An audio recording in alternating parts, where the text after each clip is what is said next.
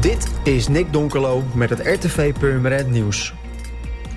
Noord-Holland schakelt de komende weken over op een nieuw systeem dat de straatverlichting flexibel aanstuurt. Netbeheerder Liander vraagt Purmerenders en Beemsterlingen om mee te helpen de laatste oude besturingskastjes op te sporen. Die zijn te herkennen doordat de straatverlichting rond zo'n kastje overdag blijft branden. Liander gebruikt nu nog het zogenaamde toonfrequentsignaal om straatverlichting aan en uit te zetten. Dit signaal wordt twee keer per dag verstuurd via de elektriciteitsnetten en is inmiddels verouderd.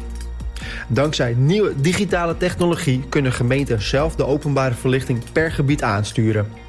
Grote voordelen hiervan zijn energie besparen waar het kan en veiligheid op straat vergroten waar het nodig is. Liander vraagt inwoners mee te helpen met het zoeken naar de laatste oude kastjes.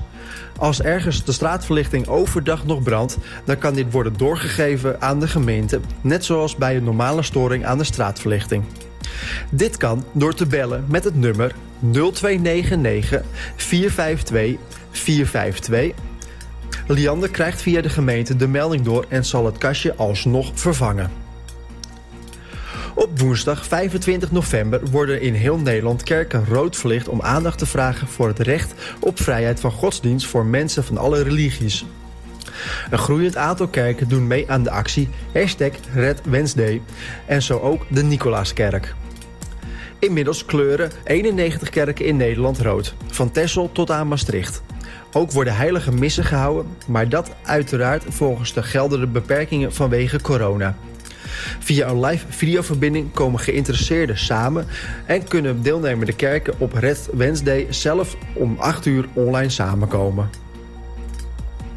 Net zoals voorgaande jaren gaat de brandweer Purmerend in samenwerking met de posten in Middenbeemster, Ilpendam, Wormer en Oostzaan weer houdbare levensmiddelen inzamelen voor de voedselbank.